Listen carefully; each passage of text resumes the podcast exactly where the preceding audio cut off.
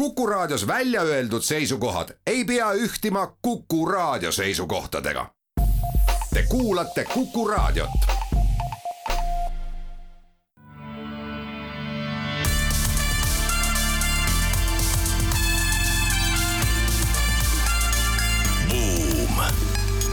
buumile annab hoogu SEB Pank tere päevast, on kahekümne kaheksas detsember aasta kaks tuhat kakskümmend kaks. jõulupühad on peetud ning oleme eetris aasta viimase Buumi saatega. saates on seekord kolm saatejuhti, Raivo Vare, Ott Pärna ja Anto Liivat ning saade on mõnevõrra eripärane ka seetõttu, et me ei kajasta päevakajalisi uudiseid, vaid teeme aastast kokkuvõtte esimeses plokis arutleme selle üle, kuidas on läinud pangandusel, mida peetakse ka majanduse vereringeks.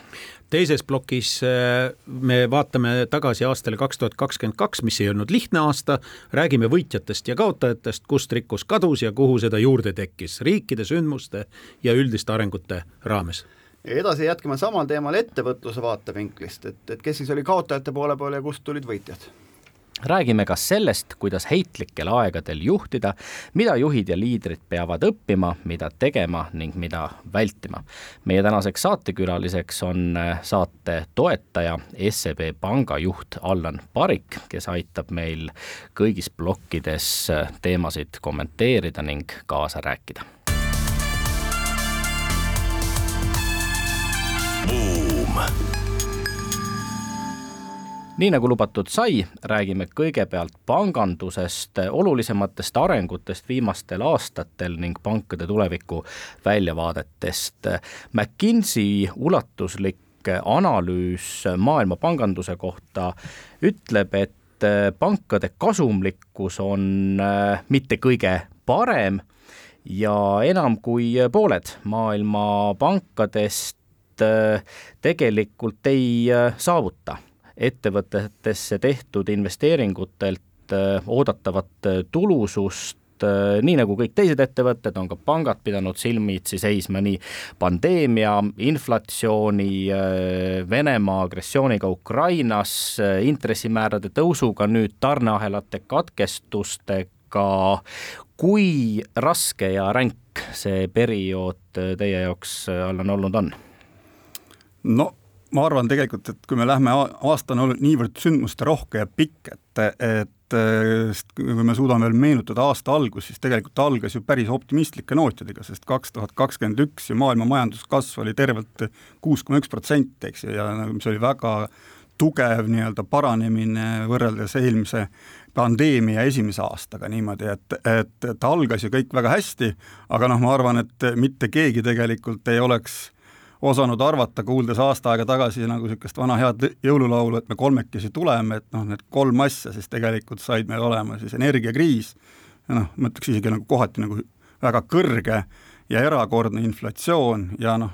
last but not least, eks ju, siis sõda Ukrainas, et, et noh, see kindlasti on andnud nagu ja andnud nagu aastale väga tugeva äh, pitseri ja, ja mõjutanud äh, nii ettevõtete kui pankade, pankade tegevust väga mitmel ringil, alates nagu rahvusvahelistest sanktsioonidest kuni siis tegelikult mõjust majandusele ja positiivsest intressimääradest tegelikult, mis on meieni siis peale seitset aastat uuesti jõudnud. no kui panganduse sisse vaadata, on seal ka selgelt võitjad ja kaotajad, lõhed tublide ja mahajääjate vahel kasvavad äh, järjest äh, suuremaks, on neid panku, mis on äh, väga kasumlikud ja, ja kasvavad üsna kiiresti ja siis on see tagumine ots, kes tegelikult keskmist kõvasti alla tõmbab. kuidas Balti riikides pangandusel? ja vähe sellest, ma lisaks ka, et see McKinsey tõi välja ka, et ka pangasiseselt on veel vaks vahet ehk siis teatud tegevusvaldkonnad on nii-öelda äh, kasumlikuks osutunud ja paremaks läinud ja, ja kasvavad ja samas mõned valdkonnad on kannatada saanud sellesama, äh, selle kolmainsuse tõttu, millest Allan enne rääkis. näiteks äh, kapitaliturgude ja investeerimispangandus on palju keerulisemad ajad olnud mm,. Mm. ei, ma olen saate, saatejuhtidega nagu väga nõus, et, et, et see pilt regiooniti on tegelikult väga erinev, et noh, kui me vaatame ju kas või ka siis me näeme, et Ameerika, Kanada, mitmed Aasia pangad tegelikult on opereerivad ikkagi nagu väga korralike näitajatega ja nende nii-öelda see price to book on tegelikult üle ühe siis nagu, millele eelnevalt see vihjati, et mis sageli on alla ühe siin. et kes on nagu nii-öelda, kus on see probleemid nagu sügavamad, suuremad, on ikkagi Kesk-Euroopa, Euroopa pangad, samas jällegi ka siin on nagu, meil on meeldivaid erandeid tegelikult ja üks nendest on Skandinaavia, kes tegelikult, Skandinaavia pangad, kes tegelikult mängivad olulist rolli ka siin Baltikumis, kes tegelikult ikkagi opereerivad päris tublide ja korralike näitajatega. Ja võib-olla veel nagu üks äh, nagu võrdlus ära tuua, et ütleme nendel nii-öelda tormilistel kasvuaastatel, mis meil siin nagu tegelikult on olnud äh, ja nii-öelda uue maailma ajastu aastatel, siis tegelikult on jah, sellised nii-öelda spetsialiseerunud pangad mingite äh, konkreetsete tegevusvaldkondade, on see siis nagu maksevahendus, on see siis tegelikult consumer financing, nendel on läinud suhteliselt paremini, samas jällegi, kui me nüüd vaatame nagu heitlikumaid aege, siis nagu ajaloost on samamoodi näha tegelikult, et võiks oodata, et jällegi on traditsiooniliste pankade aeg, nii et, et ma olen sellest vaatenurgast pigem äh, positiivselt meelestatud. Ja kui me arutasime ka siin SEB nii-öelda maja sees, et milline on meie nii-öelda stardipositsioon või sisenemispositsioon nii-öelda mõnevõrra raskemasse perioodi, siis me jõudsime sinna, et tegelikult on see väga hea, meie nii-öelda, nii-öelda laenu määramise marginaalid on turu ühed parimad, meie kapitaliseeritus on turu üks parim ja meie kasumlikkus on üks turu parim, nii et ma arvan, on kõik head eeldused olla heaks partneriks oma klientidele. No ma vaatan, et mulle tundub, et selles sektoris on ka nagu innovatsioonile jupp ju ruumi, et, et pangandussektori maht maailma majandusest kokku hinnatakse kuni kakskümmend viis protsenti, et kui maailma majandus see aasta on ma ei tea, sada kolm triljonit, on ju, siis kakskümmend viis triljonit, kakskümmend viis triljonit sellest on nagu panganduse maht, et üks neljandik ja samas on just, et ootused kasumlikkusele on väikse, väike, et ilmselt seal mingit turgude ringijagamist võiks hakata tekkima ja me näeme, kuidas fintech, fintechid on läinud mingites nišides tegelikult ju pankade, pankade pärusmaale, nüüd küsimus on, et kas pangad saavad neid üles ostes ise ka siis innoveerida või või on, või me näemegi selliseid uusi tulijaid turgudele, et kuidas teie vaade on? no ma arvan, et, et me oleme kindlasti, oleme seda väga selgelt ka välja hääldanud, et oleme täna siis investeerimisfaasis, et et ka eelmises nii-öelda kriisis, mis oli siis Lehman kaks tuhat kaheksa, eks ju, peale selle järgselt SEB võttis nagu sellise päris aktiivse äh, ja agressiivse geograafilise laienemise ette turgudel, kus me noh, meie DNA on olnud suurettevõtted, rahvusvahelised ettevõtted, nende toetamine ja, ja ka praegu tegelikult me vaatame äh, ja otsime neid uusi kasvukohti, kuhu me tahame nagu äh, raha ja paigutada ja innovatsiooni teha ja kindlasti ma arvan, pankadele üks selline suur kasvupotentsiaal on puhas energia, nii-öelda jätkusuutlik finantseerimine, et, et noh, see on tegelikult valdkond, mis eeldatakse kasvamat ja, ja vajavat, ütleme,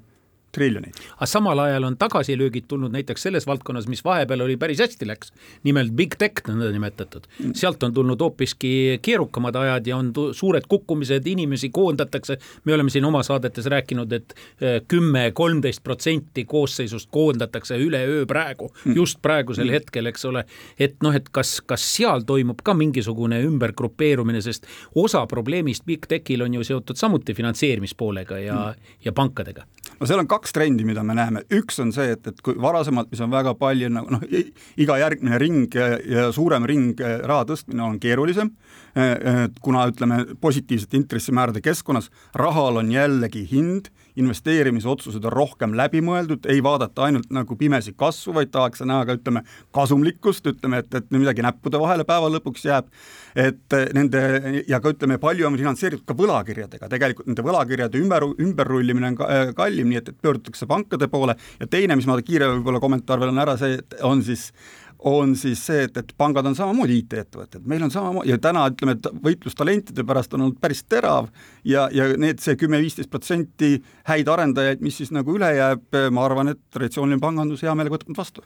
McKinsey modelleeris pankade jaoks kaks tulevikutsenaariumit, inflatsioonilise keskkonna stsenaariumi ja stagflatsioonilise keskkonna stsenaariumi, kus siis inflatsioon ja majanduslangus või kiratsev majanduskasv ilmutavad end üheaegselt. milliseid stsenaariumeid olete teie endale modelleerinud ja miks ikkagi ütleb McKinsey, vahet pole,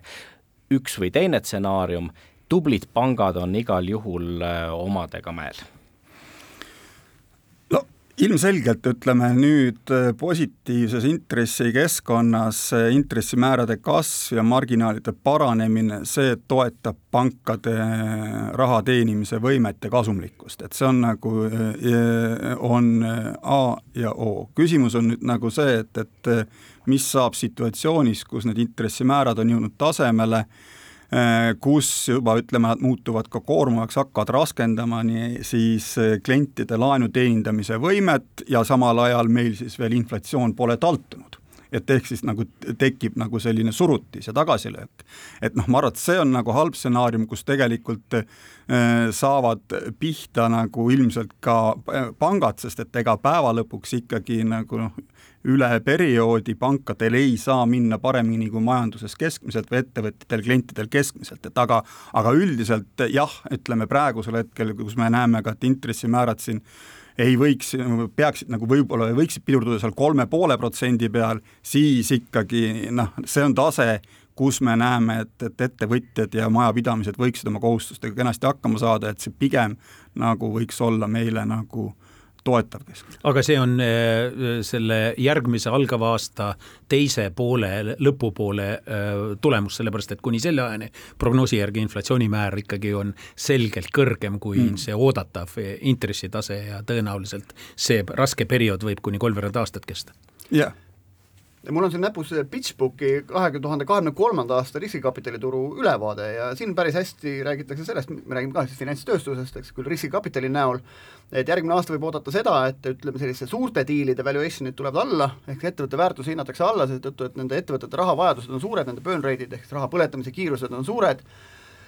rahaturul on vähem, IPO-de väljavaated on kehvemad, ehk siis et need, kes raha kaasata tahavad ja selle surve all on, peavad seda võtma vastu odavamalt, kui nad seda varem võtsid, ja samas on võitjate poole pool sellised alustavad seemnefaasi ettevõtted, kus siis tegelikult on raha rohkem liikvel, suuremaid summasid ollakse valmis investeerima, et, et selles mõttes alustavatele projektidele, nende kapitali kaasamisele on tulev aasta kindlasti hea. aga ettevõtetest ja valdkondadest et äh, kellel võiks minna paremini, kellel halvemini, jõuame saates mõne aja pärast täpsemalt rääkida, praegu aga kuulame ära kaubanduslikud teadaanded.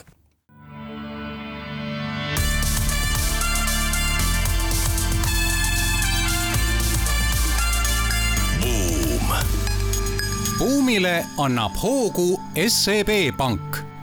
oleme tagasi Buumi eetris, saatejuhid Raivo Vare, Ott Pärna ja Anto Liivat on sedapuhku kolmekesi stuudios ning meie külaliseks SEB Panga juht Allan Parik. räägime nüüd äh, maailma majanduse ja poliitika seostest. Äh, The Economist valis äh, mitte sugugi üllatuslikult aastariigiks Ukraina, ütles, et teisiti ei saagi olla, vähesed uskusid, et Ukraina rahvas on nii vapper ja visa, ja et Venemaa agressioon kujuneb nii pikaajaliseks, sõda ohvriterohkeks ja on lõpuks ka väga ulatusliku majandusmõjuga.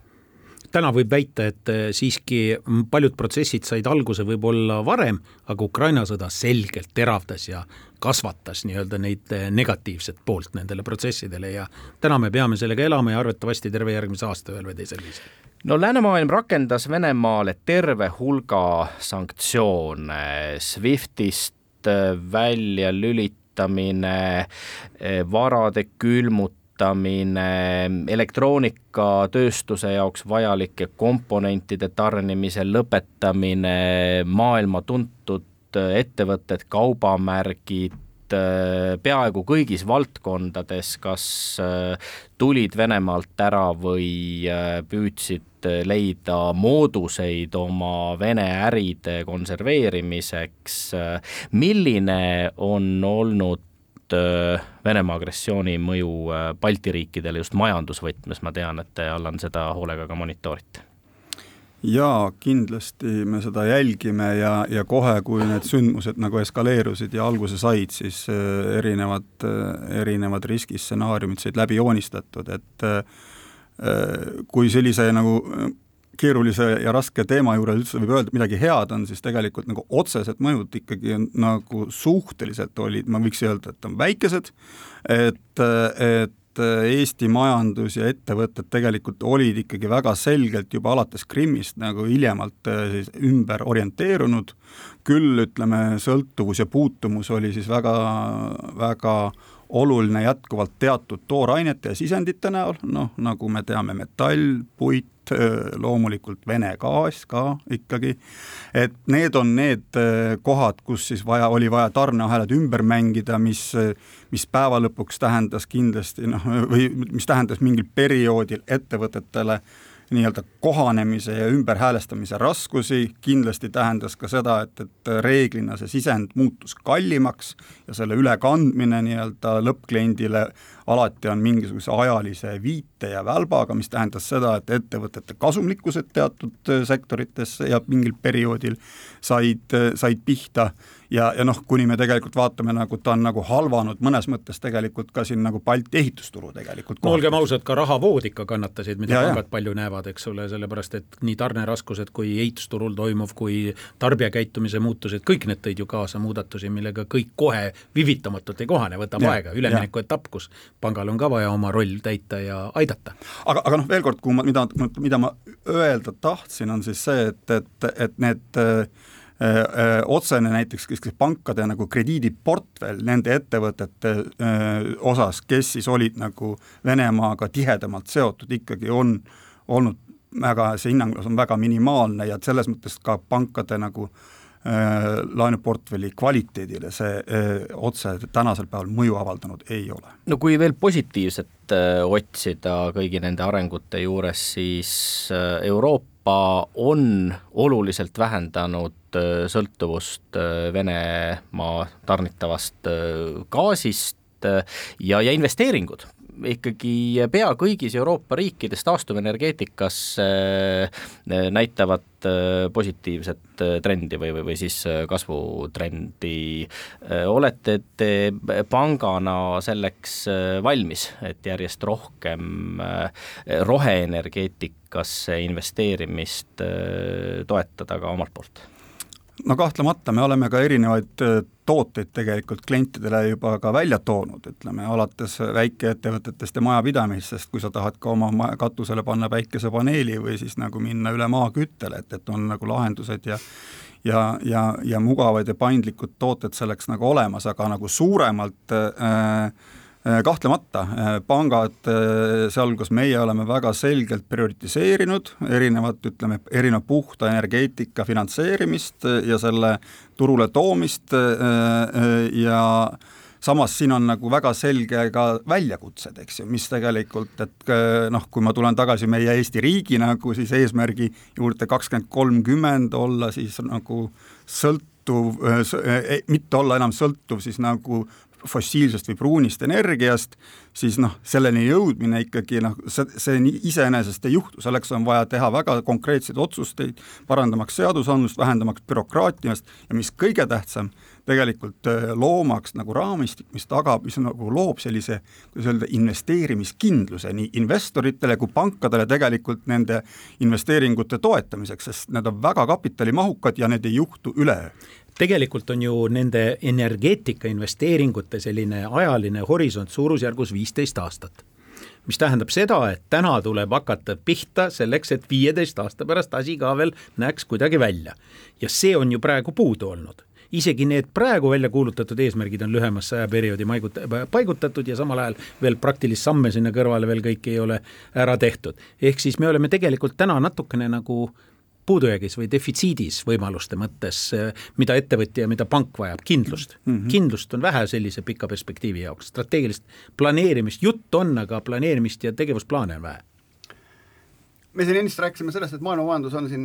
pisut üle saja triljoni, eks, ma sellest järgi hakkasin vaatama, et, et, et noh, et keda, kelle käekäiku peaks üleüldse nagu siis vaatama, me räägime Ukrainast ja riikidest, kellede majanduse maht on tegelikult üsna väike võrreldes suurte riikidega. ja maailma top-majanduses on siis Ameerika Ühendriigid kakskümmend triljonit, Hiina neliteist triljonit, sealt taga edasi Jaapan juba viis triljonit, sakslased kolm koma kaheksa, edasi Ühendkuningriik, India, Prantsusmaa, Itaalia, Kanada, Lõuna-Korea, nii edasi. ja kui nüüd hakkad natuke vaatama neid märksõnu, noh, ameeriklastel on kõige suurem probleem tegelikult Hiinaga, on ju, ehk siis nende suur probleem kahel, kahel kõige suuremal majandusel on omavahel maid jagada, aga samas nende vaheline kaubandus on ka üks suuremaid, võib-olla nendest ainult suurem on vist India ja Hiina vaheline kaubandus, eks. ja mis probleemid, no edasi Jaapanil on probleem vananemisega, kõige kiiremini vananev riik, eks, ja käib nagu Euroopas kümmekond aastat ees oma vananemisega, Saksamaal probleemid energeetikaga, eks me teame, noh, inglastel on probleem oma Brexiti järgse situatsiooniga, kus kõik halvad stsenaariumid on kokku kukkunud, kokku langenud ja, ja vaatame, mis siis selle asja peale šotlased arvavad, eks. noh, Indias on suur noh, korruptsiooni, hariduse, igasuguse kirjaoskamatuse, kõik sellised probleemid, logistika, transpordiprobleemid, eks, mis siin veel on meil? Prantsusmaal, no Prantsusmaal on võimalused, Prantsusmaal tuleb kaks tuhat kakskümmend neli olümpiamängud ehk see võiks olla midagi, mis vähemasti Pariisi siis elavdab. jaa, tõenäoliselt mitte küll majanduslikult pikas plaanis, need on alati kahjumiga projekt. aga Londoni olümpiamängud läksid väga hästi sellega arendati ka tegelikult Londoni linna, Ida-London, me just üks saade rääkisime sellest. no eh, Hiina president eh, kindlustas endale nüüd kolmanda ametiajaga, on silmitsi seisnud Äh, väga tõsiste Covidist tingitud siis äh, meetmete rakendamise järgsete protestidega, samas Hiina majandusele ennustatakse järgmisel aastal sellist kasvu nelja-viie protsendi ümber, mis iseenesest peaks tähendama, et Hiina roll maailma majanduses ikkagi on jätkuvalt kasvav ja, ja, ja, ja, ja suurenev. isegi kui äh, kui äh, püütakse teha kõik selleks, et äh, Hiina ei saaks äh, ligipääsu lääne tehnoloogiatele? et noh, tulles korra kodule lähemale, et anda siia nagu Eesti vaade nagu juurde, mis on nagu, millised nagu niisugused nagu head ja nagu raskemad trendid, mis silma paistavad, et noh, kindlasti positiivse poole pealt kõigepealt siis, et põllumajandusel ja energeetikasektoril, üllatav, ei ole üllatus, on olnud väga hea aasta, eks ju, Äh, samas äh, huvitav on jälgida tegelikult meie IT-sektori ja IT ja ma ütlen noh, laiemalt IT ja siis äh, side ja kommunikatsiooni, kuidas ta määratletud täpsemalt on siis, et noh, et sest et noh, tegelikult see kasv viimastel aastatel on olnud ikkagi muljetavaldav, viis aastat tagasi ta oli kuskil nagu viis pluss protsenti meie nii-öelda majanduse kogumahust, täna ta on natukene üle kümne. ainukesed, kes on suuremad, on töötlev tööstus oma neljateistkümne ja siis, siis hulgi- ja jaekaubandus kaheteistkümne protsendiga, kinnisvaraga ta on juba samal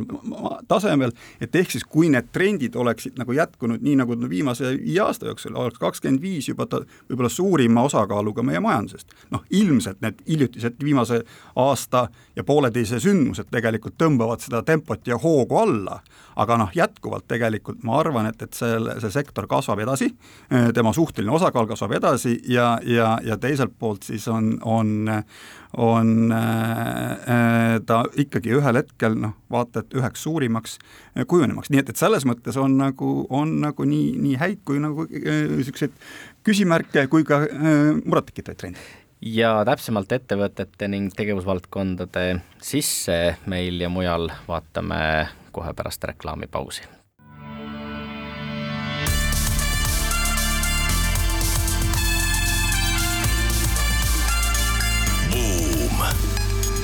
buumile annab hoogu SEB Pank. oleme tagasi Buumi eetris, saatejuhid Raivo Vare, Ott Pärna, Anto Liivat kõik kolmekesi stuudios ning meie tänaseks saatekülaliseks on SEB Panga juht Allan Parik. räägime nüüd äh, tegevusvaldkonniti äh, ja ka nendest ettevõtetest, kes meile mööduvast aastast kõige enam silma jäänud on, The Economisti analüüs ütleb, et kõige raskem oli aasta kinnisvara, panganduse ja äh, tehnoloogia ettevõtete jaoks. Eestis äh, ka töötleva tööstuse olukord ei ole kiita. Jaa, just, et kui vaadata võib-olla jah, nii-öelda sektorite kaupa, siis selle aasta jah, üks kõige suurem kaotaja, ma julgeksin küll öelda, on meie töötlev tööstus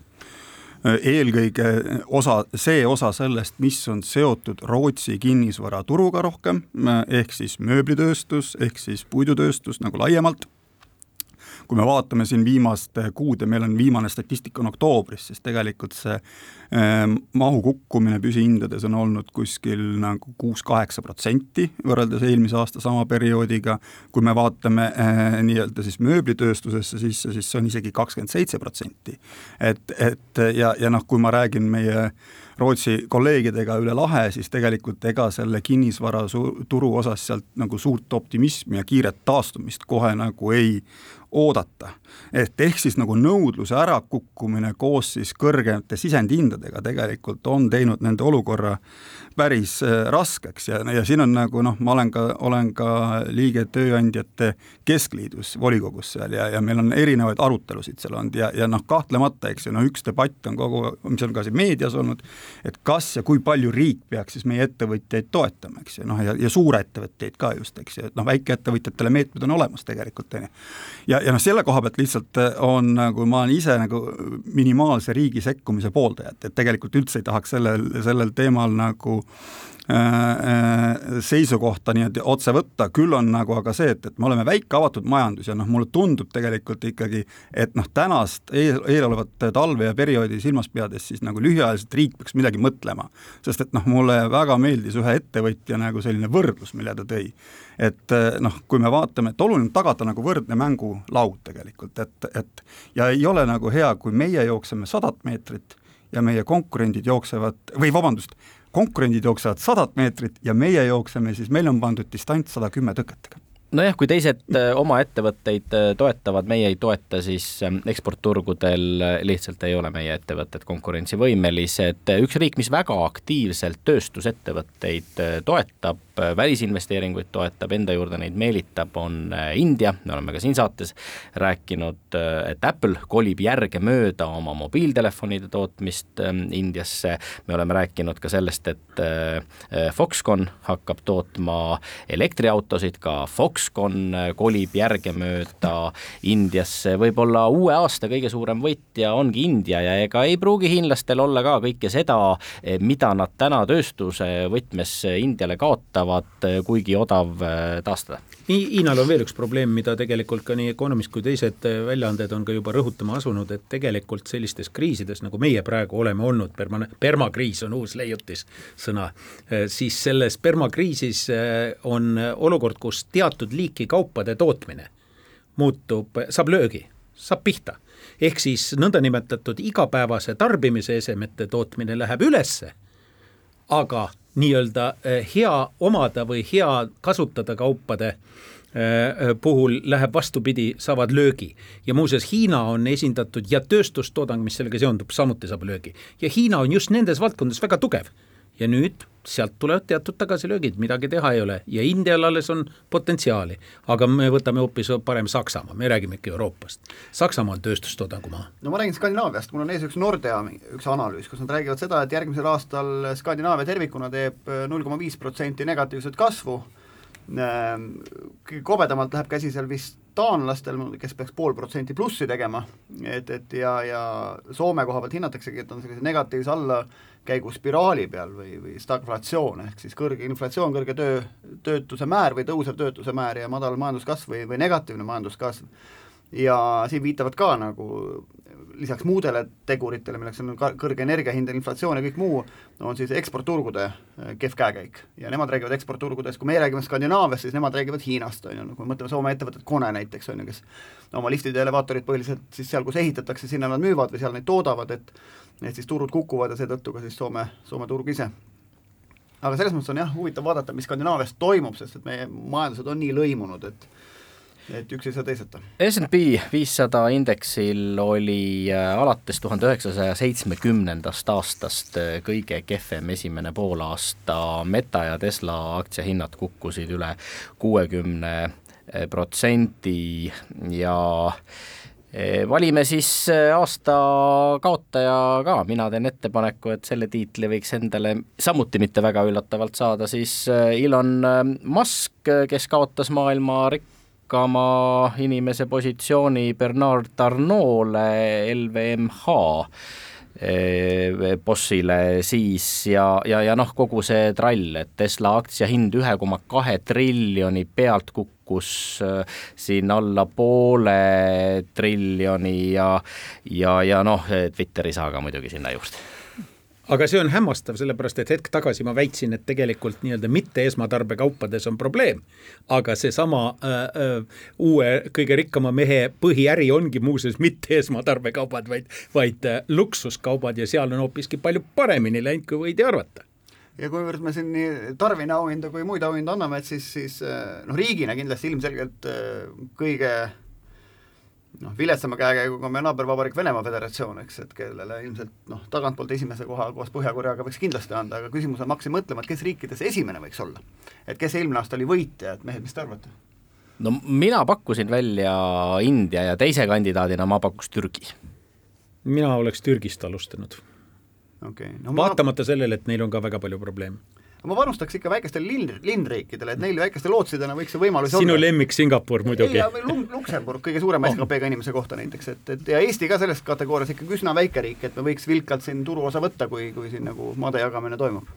nojah, ma võib-olla lihtsalt kiire reflektsioon siin Elon Musk'i osas, et mul endal lihtsalt, kui ma vaatasin, olen vaadanud tema nii-öelda väljaütlemisi ja, ja otsuseid siin viimase perioodi jooksul, siis, siis mulle, mulle jääb mulje nagu niisugusest nagu härrasmehest nagu või kui vabandust, nii võib öelda, eks nagu kits kahe heinakuia vahel, et noh, et ütleme, et ta on igal pool ja mitte kusagil, eks ju, ja, ja noh, ilmselgelt investorid on mures ja, ja segadust on palju, et, et noh, et, et selles mõttes selle saate, saate, ütleme saatejuhi ettepanekuga talle nagu aasta ettevõtja kaotaja nagu tiitel anda nagu nagu ühtepidi täitsa kindlasti nõus. Ja teiselt poolt Venemaa nagu jaa, ilmselgelt, eks ju, noh et, et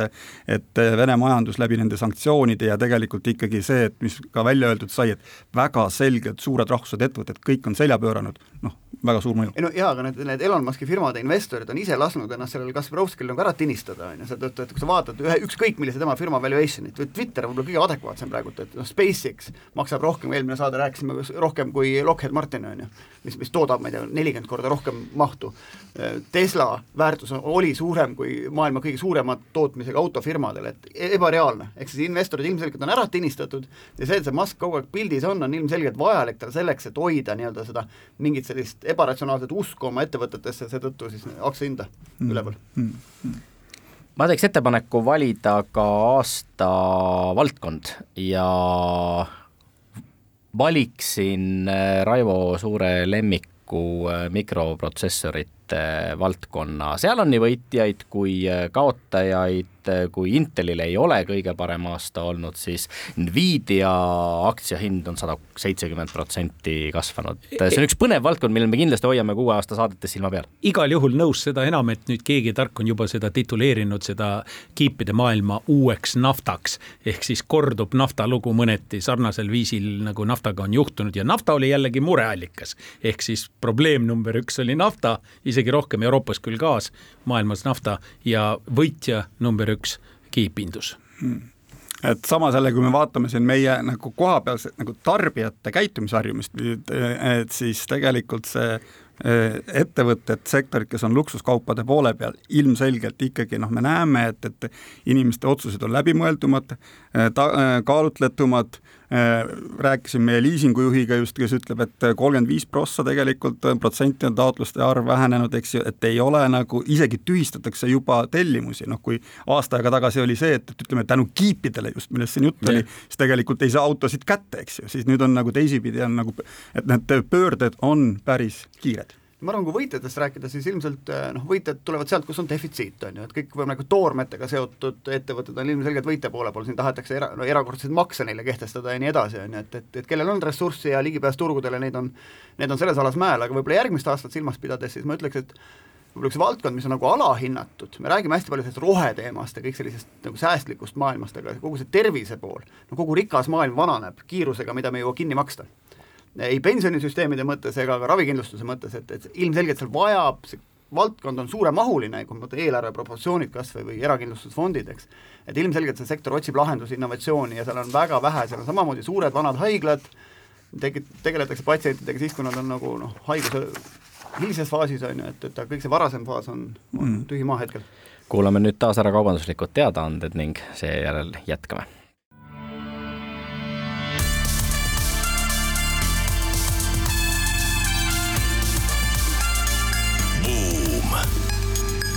buumile annab hoogu SEB Pank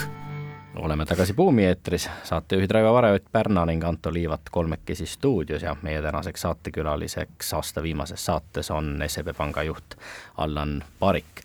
räägime nüüd äh, sellest, millised võiksid olla paremad ning toimivad juhtimispraktikad heitlikel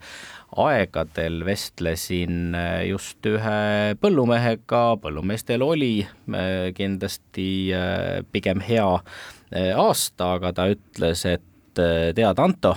te võite seal eh, ülikoolis rääkida mida iganes, ükski juhtimispraktika, mida mulle õpetatud on, mida mina tean, ei toimi. ma siis saatsin talle mõned Äh, lugemismaterjalid, ütlesin, et on ka uuemaid käsitlusi ja ühe sellisega on välja tulnud äh, maailma võib-olla kõige nooblima ärikooli Whartoni professor Adam Grant, kes ütleb, et heitlikel aegadel juhtimise puhul on kõige olulisem enesekindel alandlikkus,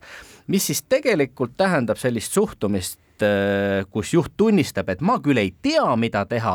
aga ma olen veendunud, et me leiame üheskoos õige pea sellele olukorrale lahenduse. Äh, Allan, kuidas sina läbi nende heitlike aegade pangajuhina tulnud oled või, või millisest mõtteviisist lähtudes? Päris nagu selle statement'iga ikkagi kuidagi nõus olla nagu esmalt ei tahaks, et, et äh, minu arvates ikkagi heitlikel aegadel on hästi rahulikkus, jah Äh, sa ei tohi külvata enda ümber külm paanikat. külm kõht, ütleme, aga ja, sellega olen ka hästi nõus, et nagu et külma kõhu ja sooja südamega tegelikult, aga, aga sa pead andma suuna kindluse oma organisatsioonile, oma inimestele. ja noh, minu jaoks on ikkagi nagu see soovitus, mida ma oma kolleegidele jagan ja ise nagu selle üle hästi nagu ka elan ja käitun, et on heitlikel aegadel tuleb olla hästi lähedal nii oma kolleegidele, töötajatele kui oma klientidele, sa pead kuulama neid, olema nagu nendele kättesaadav, sa ei tohi ära kaduda. sa pead ja, ja noh, just selline tagasisidestamine, kuidas sul läheb, mis on mured, tule räägi, et noh, et olemas olemine nagu ja see on nagu ma arvan, et kõige tähtsam. aga kas siin ei teki seda muret ka, et äh, sul ei ole alati vastuseid, sul on oma kaastöötajate või klientidega suheldes äh, küsimusi laual, mille puhul sa ei oska anda vastust, mis sa siis teed? Kui sa vastust ei oska anda, siis on see, et, et siis tuleme kokku ja arutame, leiame koos selle vastuse tegelikult, et, et ega see ongi, et noh, kõik me teame, et et noh, täna nagu ennustada, öelda nagu, mis täpselt hakkab juhtuma nüüd ütleme poole aasta pärast või või millal lõpeb sõda Ukrainas, noh, keegi meist seda ju ei tea, et ehk siis nagu tegelikult noh, me peame nagu noh, nagu ma ütlen armastan öelda ka seda, et, et viimased aastad on näidanud seda, et riskistsenaariumeid tuleb hakata võtma nagu baasstsenaariumid, et ehk siis sa pead nagu, sa pead oma nagu plaanid tegema teatud tugevuspuhvritega, aga, aga veel kord, sinu küsimuse peale, no ma arvan, et siis tuleb kokku tulla ja arutadagi, et mis on see meie parim konsensuslik arusaam. ja seejuures olla aus partneri suhtes ja, ja öeldagi, et ma ei oska täna vastata, arutame koos, mõtleme välja. kõige halvem on hämada no lisaks nüüd sellele külmale kõhule ja soojale südamele ja ma võib-olla tõstaks esile ka siis sellise suurema mõtte või visiooni olemust, et kuhu, kuhu poole see lokomotiiv või ettevõte siis on minemas. Ja mul on siin ees üks, üks McKenzie uuring, kes räägib siis et, et kuuskümmend viis protsenti nendest inimestest, kes on ajavahemikul kaks tuhat kakskümmend kuni kaks tuhat kakskümmend kaks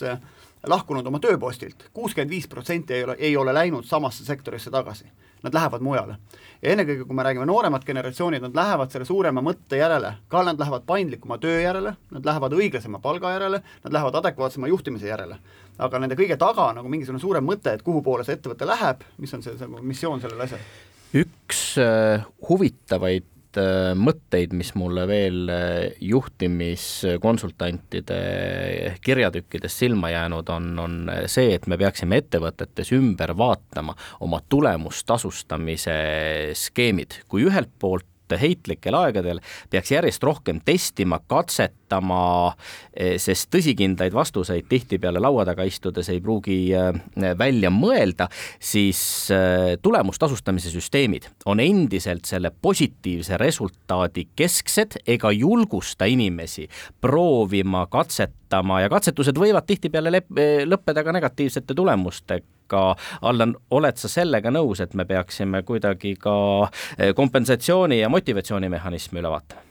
no ma olen hästi nõus sellega, et eh, inimestel peab olema julgus katsetada, inimestel peab olema võimalus nagu eksida, aga oluline on see, et, et nendest vigadest õpitakse. et teist korda sama viga teha on juba nagu halb, eks ju. et, et aga, aga selline nagu äh, julgus, ütleme, uusi asju proovida eh, ja teha, sest et veel kord ongi, kuna me, kui me ujume nagu nii-öelda segastes ja sogastes vetes, siis tegelikult noh, tavapärased võib-olla eh, retseptid ja mudelid ei tööta, et ehk siis ongi vaja vaadata midagi uut no võttes kinni selle, sellest kinni sellest Anto mõttest, et äkki me nagu mõõdame valet asja, on ju, me kipume inimesi jah, tasustama või tunnustama selle järgi, mis on nende põhitegevus ettevõttes. aga paljudel inimestel on ka mingi muu roll, üleüldist vaibi üleval hoida, võib-olla inimesed, kes näiteks tegelevad õppimisega, on ju, et sa tegelikult oled tulevikus konkurentsivõimelisem sellele ettevõttele või kasu, kasulikum, et äkki hoopis selliseid asju peaks nagu motiveerima, et inimesed võtavad sabatikale ja ja käivad vahel, ma ei tea, täiendama ennast, ennast kuskil mujal ja hoopis seda motiveerida, mitte siis seda, et kas ta istus veel noh, kell üheksa oli ka veel kontoris ja tegi müügitööd. no kahtlemata väga nõus, et tagumikutundidest maksma ei peaks, eks et ja me oleme nagu näiteks SEB-s me oleme nagu väga, me mõõdamegi nüüd äh, viimased paar aastat juba, mõõdamegi õpitunde, kamp, meil on selline, meil on õpikeskkond, kampus online, kus on nagu tuhandeid erinevaid asju, aga asja point on nagu see, et, et tegelikult meil on, igal inimesel on nagu, et iga nädal peaks olema minimaalselt tund-poolteist, mida ta tegelikult kasutab oma enda arendamiseks, ta peab leidma selle. ka riik võiks maksta nendele inimestele rohkem palka või motiveerida, kes näiteks Põlvas teevad tööd, on ju. siis nad saavad oma rahandusministeeriumit külmana hoida, eks inimene on Põlvas, käib seal kohapeal võib-olla teatris ja kohvikus, jätab raha koha peale ja hoopis seda motiveerime. me aasta viimases saates tahame panna aluse ka ühele uuele tavale, nimelt Äh, küsime lähenevate Riigikogu valimiste valguses kõigilt saatekülalistelt, millised on need kolm ideed, mõtet või ettepanekut, mida sooviksid nemad näha erakondade majandusprogrammides. tegelikult ka valitsuse programmis lõpuks tegelikult. no seda loomulikult, just. E, ja Allan, e, sulle annamegi esimesena võimaluse oma kolm e, soovi välja käia aitäh, et äh, me oleme just tegelikult lõpetanud ringkäigu Eesti erakondades äh, Pangaliidu esindusega, et äh, kus me siis tegelikult neid erinevaid teemasid puudutasime ja kui ma nopiksin välja sealt siis need kolm, mis nagu võib-olla mulle tunduvad kõige nagu olulisemad ja südamelähedasemad, siis esimesena ma kahtlemata tahaksin panna riigile südamele selle, et, et sõda ja need ebakindlad ajad tegelikult on näidanud, et riigil tuleb senisest paremini ära kirjeldada oma äh, kehtivad riigi, need kriisistsenaariumid ja määrata ära ka nende pikkused, vastutajad ja nende vastutajate roll ja ulatus, ütleme, nende kriisistsenaariumite juhtimisel. Äh, hädaolukorra seadus kahtlemata vajab äh, kaasajastamist, et tänasel hetkel enam äh, punkt et pankade serverid peavad füüsiliselt asuma Eestis, ma ütleks, on riski suurendav, mitte riski maandav faktor tänases maailmas. teiseks on, mis ma tahaks kindlasti nagu välja tuua, on tööandja pension, et me eelmise aastaga tagasi või natuke rohkem suur hulk eestimaalastest siis nii-öelda plaksutas, ütleme, selle siis nii-öelda teise samba reformi osas miljard tuli inimestel kontodele, tänaseks on see rõõmsalt ära kulutatud, aga tegelikult ma tahaks öelda, et, et riik peaks mõtlema sellele, et selle asemel, et nagu süsteemi natukene lammutada, tuleks süsteemi raha juurde tuua ja ma arvan, et, et ühe arenenud ühiskonna tunnus on tööandja pension ja ja sinna, selles osas riik peaks mõtlema, kuidas ütleme seda atraktiivsust äh, ettevõtjatele selles osas nagu kasvatada. ja viimasena tegelikult ikkagi nagu juba täna saatest ka mitu korda läbi käinud erineva nurga alt rohepööre ja selle toetamine, et on vaja selgust on vaja sellist nagu reaalselt toimuvat pikka plaani, on ta siis, nimetagem seda kas või siis kliimaseaduseks või millekski teiseks, aga, aga selleks tegelikult, et oleks nii meie ühiskonnale, ettevõtetele, institutsioonidele, kodanikele selge ootus ja arusaam, kus me peame mingil hetkel olema ja mida me peame selleks tegema, et oleks investoritel investeerimiskindlus, siis, siis ma arvan, et, et see teema tuleb äh, väga äh, tuleb oluliselt paremini riigil lahti mõelda ja ära äh, nii-öelda määratleda ja sõnastada. SEB-l on olnud tõepoolest hea meel olla majandussaatele Buum partneriks, sest siin kõlavad mõtted, ideed ja teemad on väga kaasahaaravad saatejuhtide teemakäsitlused on hästi professionaalsed ja, ja meile on nagu alati nagu äh, olnud oluline nagu rahateadus, rahatarkuse ja majandushariduse selline laiem propageerimine ja levik kui pelgalt meie klientidele, nii et, et, et rõõm on teiega koos selles saates olla ja, ja teid on nauditav kuulata ja jõudu teile ja kõigile kaunist uut aastat! suur aitäh, Allan Parik, SEB Panga juht, koos meiega aastast kokkuvõtteid tegemast meie oleme taas eetris juba uuel aastal, neljandal jaanuaril, siis teeme prognoose ja ennustusi aastaks kaks tuhat kakskümmend kolm. buum jätkab ka uuel aastal koos SEB-ga, seniks aga ilusat aasta lõppu. ja head uut aastat!